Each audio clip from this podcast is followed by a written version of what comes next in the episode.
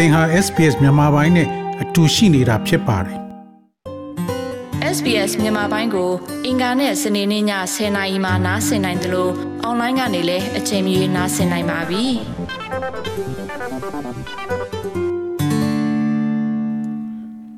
တော်ရရှိမြခင်ဗျာဩစတြေးလျဟာနှစ်နှစ်နီးပါးနေဆက်ကန့်သက်ချက်များထားခဲ့ပြီးယခုအခါမှာနိုင်ငံတကာကចောင်းသားများပြန်လည်ဝင်ရောက်ဖို့အတွက် ဖွင့်လှစ်ပေးခဲ့ပါတယ်။ဩစတြေးလျနိုင်ငံရှိနိုင်ငံတကာကျောင်းသားများပြန်လာရေးလွယ်ကူချောမောစေရန်အတွက်နယ်နိမိတ်များကို ဖြေလျှော့ပြီးနောက်ကျောင်းသားဗီဇာကန်ဆောင်ထားသူများအတွက်အစိုးရကမကြသေးမီက ထုတ်ပြန်ကြေညာခဲ့ပါတယ်။ဩစတြေးလျဟာကမ္ဘာတစ်ဝန်းမှာကျောင်းသားများကိုကြိုဆိုလျက်ရှိပြီးနိုင်ငံတကာကျောင်းသားများအတွက်ဦးစားပေးနေရာတစ်ခုအဖြစ်သတ်မှတ်ရန်တချို့သောလိုက်လျောမှုများကိုကြေညာထားပါတယ်။ 2021ခုနှစ်ဒီဇင်ဘာလမှာဩစတြေးလျသည်ကာဝယ်ဆေးအပြည့်ထိုးထားသော နိုင်ငံတကာចောင်းသားများအတွက်နေဆက်ကို ပြန်လည်ဖွင့်ပေးပြီးဗီဇာကြေးရှော့ပေါ့ကြောင်းကြေညာခဲ့ပါတယ်။ The Migration မှ NASA နဝါဆက်သည်မှတ်ပုံတင်ထားသောရွှေပြောင်းနေထိုင်သူများအတွက် agent ဖြစ်ပြီးစီမင်းအသစ်များကိုယခုလိုရှင်းပြထားပါတယ်။ pandemic scenario is uh, much different and it has much to offer because uh, the international students, whoever is arriving in between 19 January 2022 to 19 March 2022ကယောဂကနေအများကြီးကွာခြားပြီးနိုင်ငံတကာကျောင်းသားတွေအနေနဲ့2022ခုနှစ်ဇန်နဝါရီ19ရက်နေ့မှ2022ခုနှစ်မာ့ချ်19ရက်နေ့အတွင်းရောက်ရှိလာတဲ့မည်သည့်ကျောင်းသားမဆိုကျောင်းသားဗီဇာလျှောက်ထားမှုအတွက်ပြန်အန်းငွေကို ခံစား권ရှိမှာဖြစ်ပါတယ်။ကျောင်းသားများသည်2022ခုနှစ်ဒီဇင်ဘာလ31ရက်နေ့အထိပြန်အန်းငွေကိုရှောက်ထားနိုင်မှာဖြစ်ပါတယ်။ဩစတြေးလျသို့လာရောက်သောနိုင်ငံတကာကျောင်းသားများသည်ယခုခွင့်ပြုချက်ကာလအတွင်း၎င်းတို့ရဲ့သင်တန်းစတင်ခြင်းကိုစောင့်ဆိုင်းစရာမလိုဘဲအလုတ်စတင်လုပ်နိုင်ပြီဟုနာဆန်မှရှင်းပြပါတယ်။ even the condition 8105 says you cannot work before the commencement of your your studies.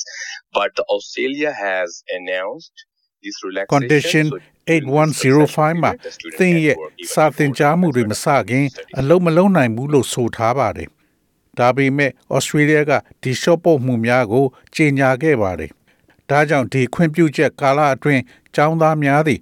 ၎င်းတို့ရဲ့ပညာသင်ကြားမှု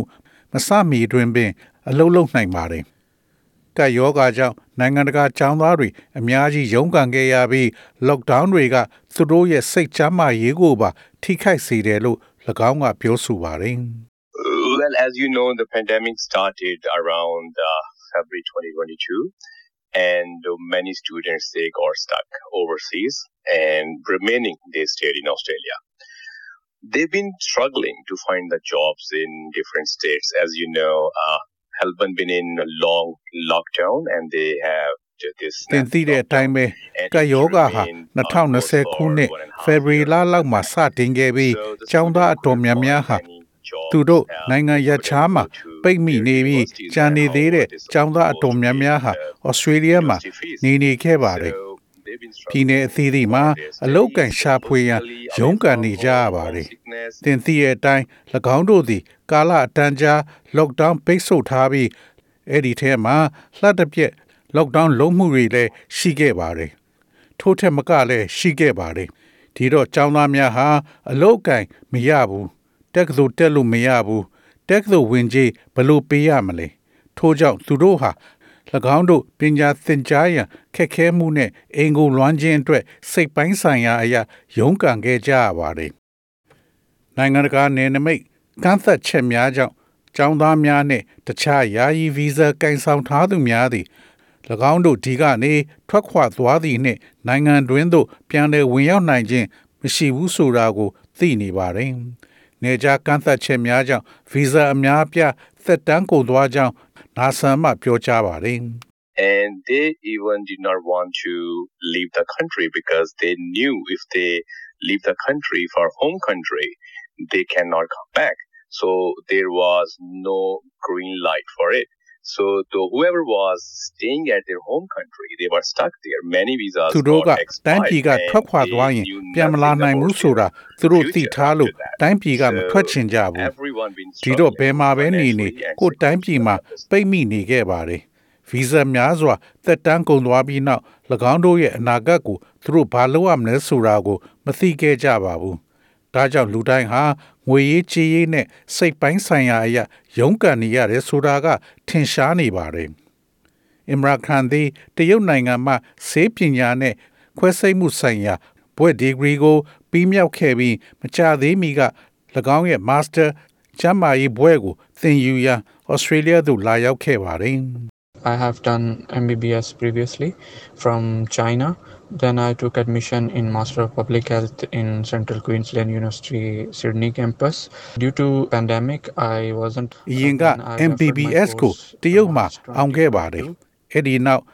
Central Queensland University of Sydney campus မှာပြည်သူ့ကျန်းမာရေးမဟာဘွဲ့ကိုတက်ရောက်ခဲ့ပါတယ်။ကာယောဂါကြောင့် Australia ကို ပြန်မသွားနိုင်တော့ပါဘူး။ထို့ကြောင့်ကျွန်တော်ရဲ့သင်တန်းကို2022ခုနှစ် Master အထိရွှေ့ဆိုင်းခဲ့ရပါတယ်။ Australia ကိုအသစ်ရောက်ရှိလာသောကျောင်းသားများအလုပ်အတွက် short ပေါ့ပေးသည့်စီမင်းကို Imran ကကျေးဇူးတင်ကြိုဆိုလိုက်ပါတယ်။ I able to resume my study in campus and I also experienced one thing in Australia that government has relaxed the rule of work for students uh, before their commencement of uh, course which is I guess a great step by government campus ထဲမှာ Mm, which စာသင်တာကို allows students ပြန်လည်စ to work တင်နိုင်ခဲ့ပြီး before their Australia course မှာ start. အတွေ့အကြုံတစ်ခုအနေနဲ့အစိုးရကကျောင်းသားတွေကိုသင်တန်းမစခင်မှာအလုပ်စည်းကမ်းတွေဖြေလျှော့ပေးခဲ့တာကကောင်းပါတယ်။ ဒါကသင်တန်းမစခင်မှာကောင်းမွန်တဲ့ခြေလှမ်းတစ်ခုပါ။သင်တန်းမစခင်မှာကျောင်းသားတွေကိုအလုပ်ဆင်းခွင့်ပေးတဲ့အစိုးရဖြစ်ပါတယ်။ကယောဂမဖြစ်မီကဘွဲလွန်ဗီဇာအမျိုးအစားကွဲ485ရရှိရန် on campus ကျောင်းဝင်းအတွင်းပညာရေးရှိရန်လိုအပ်တော်လဲယခုအခါ Australia ပြင်ပတွင်ပြုလုပ်သည့် online လေ့လာမှုများကလည်းဘွဲလွန်ဗီဇာလျှောက်ထားခြင်းကိုထည့်သွင်းတွက်ချက်မှာဖြစ်ပါတယ် Pre-pandemic, only on-campus study was considered for graduate visas, which is subclass 485. Now, online studies and on-campus studies can be considered for graduate visa. and ကပ်ရောဂါမ satisfy တိုင်မီ the conditions for ကျောင်းတွင် graduate လေ့လာ visa. မှု So တွင် this is new normal. subclass 485ဖြစ်သည့်ဘွဲလွန်ဗီဇာအတွက်သာစဉ်းစားထားပါတယ်။ ယခုအခါ online လေ့လာမှုများနှင့် on campus ကျောင်းတွင်လေ့လာမှုများတွင်ဘွဲလွန်ဗီဇာအတွက်ထည့်သွင်းစဉ်းစားနိုင်ပြီးဘွဲလွန်ဗီဇာအတွက်အခြေအနေများကိုခြေနှက်စေရန်အတွက်ဒါကပုံစံအသစ်တစ်ခုဖြစ်ပါတယ်။ online လေ့လာမှုများသက်တမ်းတိုးလာသည်နှင့်မျှလက်ရှိတွင်ဘွဲလွန်ဗီဇာများမှလည်း၎င်းတို့ရဲ့သင်ကြားမှုပြီးဆုံးသည့်ကျောင်းသားများကိုကမ်းလှမ်းထားပါတယ်။ whoever studies bachelor's or master's by coursework was entitled to get two years pro, two years visa for 485. But now Australia is offering extended one year on that. It means whoever studies master's သင်ရိုး program ကျွန်းတ either န်း by ဖြင့်ဘွဲ coursework သို့မဟုတ် or မ research ဟာဘွဲ work ကို can သင် get ကြားနေ that သူ three years မည်သူ visa မ for ဆို that. နှစ်နှစ်ဗီဇာ485ကိုရခွင့်ရှိပါတယ်။ဒါပေမဲ့အခု Australia ရဲ့ကမ်းလှမ်းချက်ကအဲ့ဒီအပေါ်မှာတစ်နှစ်ထပ်တိုးပေးထားပါတယ်။ ဆိုလိုဒီမှာသင်ရိုးညွှန်းတန်းသို့မဟုတ်သူသေသနာပြု၍ဖြစ်စေ Master Program ကိုလေ့လာနေသူတိုင်းသည်၎င်းအတွက်သုံးနှစ်ဗီဇာကိုရရှိနိုင်တယ်လို့ဆိုလိုတာဖြစ်ပါတယ်။လက်ရှိတွင်ကျောင်းသားဗီဇာကန်ဆောင်ထားသူများသည့်အရေးကြီးသောကဏ္ဍများတွင် နောက်ထပ်နိုင်များစွာ အလုပ်လုပ်ခွင့်ရှိပါသည်။ဩစတြေးလျအစိုးရသည်ကဏ္ဍအလုံးတွင် ကျောင်းသားဗီဇာကန်ဆောင်ထားသူများအတွက်အလုပ်ချိန်ကန့်သတ်ချက်အားယာယီဖယ်ရှားထားပါသည်။ဒီဥပဒေသစ်ကို2022ခုနှစ်ဧပြီလတွင် ပြန်လည်သုံးသပ်မှာဖြစ်ပါတယ်။အစိုးရကနိုင်ငံတကာចောင်းသားများအတွက်လိုက်လျောမှုများကမ်းလှမ်းနေချိန်မှာပဲနိုင်ငံတကာចောင်းသားများပြန်လာရေးကိုအားပေးရန်အတွက်တက္ကသိုလ်များသည်၎ င်းတို့ရဲ့အခချင်းငွေများကိုရှော့ချရန်လဲထဲသွင်းစဉ်းစားရန်လိုအပ်ကြောင်းနာဆန်မှပြောကြားပါတယ် As the Australian government is contributing and trying a, a lot to bring in the international students, but the universities we don't see much considerable changes in their fee. Instead, they have increased their fee. ဩစတြေးလျအစိုးရသည်နိုင်ငံတကာကျောင်းသားများကိုပြန်လည်ခေါ်ဆောင်လာရန်များစွာစ조사နေတာဖြစ်ပါတယ်။ဒါပေမဲ့တက္ကသိုလ်တွေကသူတို့ရဲ့အခကျင်းငွေမှာသိသိသာသာအပြောင်းလဲတော့သိမ့်မတွေ့ရပါဘူး။အဲ့ဒီစားသူတို့ရဲ့အခကျင်းငွေတွေကိုတိုးနေပါတယ်။ ဒါကြောင့်ပညာသင်ကြားလေးလာမှုများသည့် online တွင်ရှိပြီးယခုကျောင်းဝဲများတွင်မရှိသောကြောင့်တက္ကသိုလ်များမှထူးထူးခြားခြားမရှိတာကြောင့်တက္ကသိုလ်များမှထူးထူးခြားခြားကမ်းလှမ်းမှုများရှိသင့်ပါတယ်။ Step Up Profession မှမူဇာမီလ်ရီဇဝန်ခန်ကတက္ကသိုလ်ဝင်ကြီးများရှော့ချခြင်းသည်နိုင်ငံတကာကျောင်းသားများအား၎င်းတို့ရဲ့ပညာသင်ကြားရန်တခြားဖွံ့ဖြိုးပြီးနိုင်ငံများထက်ဩစတြေးလျကိုရွေးချယ်ရန် တွန်းအားပေးသလိုဖြစ်တယ်လို့ယူဆပါတယ်။ As you know, Australia is charging the fees which is higher than comparative to Canada and UK, and I believe it is not only the government should come forward, but also the universities and colleges need to lower down တင်သိ their တဲ့အတိုင်း tuition fees to Australia help the သည် international Canada နဲ့ students in UK school တို့ at ထက် the time. ပိုများသောအခကျင်းငွေကိုကောက်ခံနေပါတယ်။အခုလိုခက်ခဲတဲ့ကာလမှာနိုင်ငံတကာကျောင်းသားတွေကိုကူညီပေးဖို့အစိုးရအနေနဲ့ဒါမက တက္ကသိုလ်တွေကောလိပ်တွေကပါသူတို့ရဲ့ကျူရှင်ခတွေကိုရှော့ချပေးဖို့လိုအပ်တယ်လို့ကျွန်တော်ယုံကြည်ပါတယ်။ပညာသင်ဆုများပေးခြင်းသည် နိုင်ငံတကာကျောင်းသားများအားဩစတြေးလျတွင်ပညာသင်ကြားရန်ထည့်သွင်းစဉ်းစားရန်ပုံမအားပေးနိုင်တယ်လို့၎င်းကပြောပါတယ်။ offering more scholarship and lower down the tuition fees can help the students to receive education in australia and they will consider australia rather than any other developed countries and i hope uh, this will encourage the students from overall the world ပညာသင် to ဆု consider ပုံမ Australia ပေး as ဆောင် a ခြင်းနဲ့ destination ကျူ for ရှင် higher ခများကိုရှော့ချပေးခြင်းသည်ကျောင်းသားများအားဩစတြေးလျမှာပညာသင်ကြားနိုင်ရန်ကူညီပေးနိုင်ပြီးတခြားဖွံ့ဖြိုးပြီးနိုင်ငံများထက်ဩစတြေးလျကိုထည့်သွင်းစဉ်းစားမှာဖြစ်ပါတယ်။ပြီးတော့ဒါကဩစတြေးလျကိုအဆင့်မြင့်ပညာသင်ရန်အတွက်ဥတီယာအဖြစ်ကမ္ဘာတစ်ဝန်းလုံးကကျောင်းသားတွေကိုတွန်းအားပေးလိုက်မယ်လို့မျှော်လင့်ပါတယ်။ ခီးသွားများအားလုံးသည်ဆိုက်ရောက်ဗီဇာနှင့်ပတ်သက်လို့ပြည်내သို့မဟုတ်နယ်မြေအတွင်းလိုအပ်ချက်များနှင့်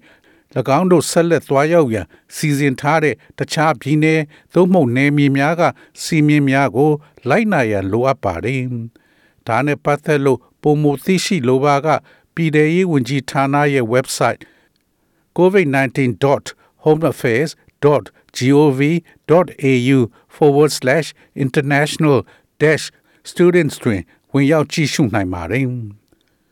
သောရရှိမြခင်ဗျာ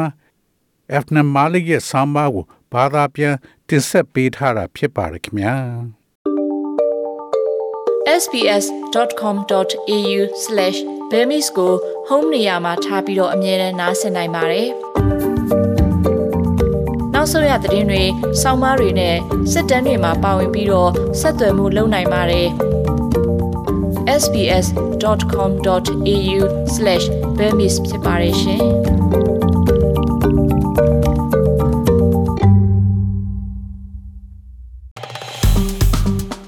SPS မြန်မာပိုင်းကို Facebook ပေါ်မှာ like ရှာပြီး like မျှဝေမှတ်ချက်ပေးပါ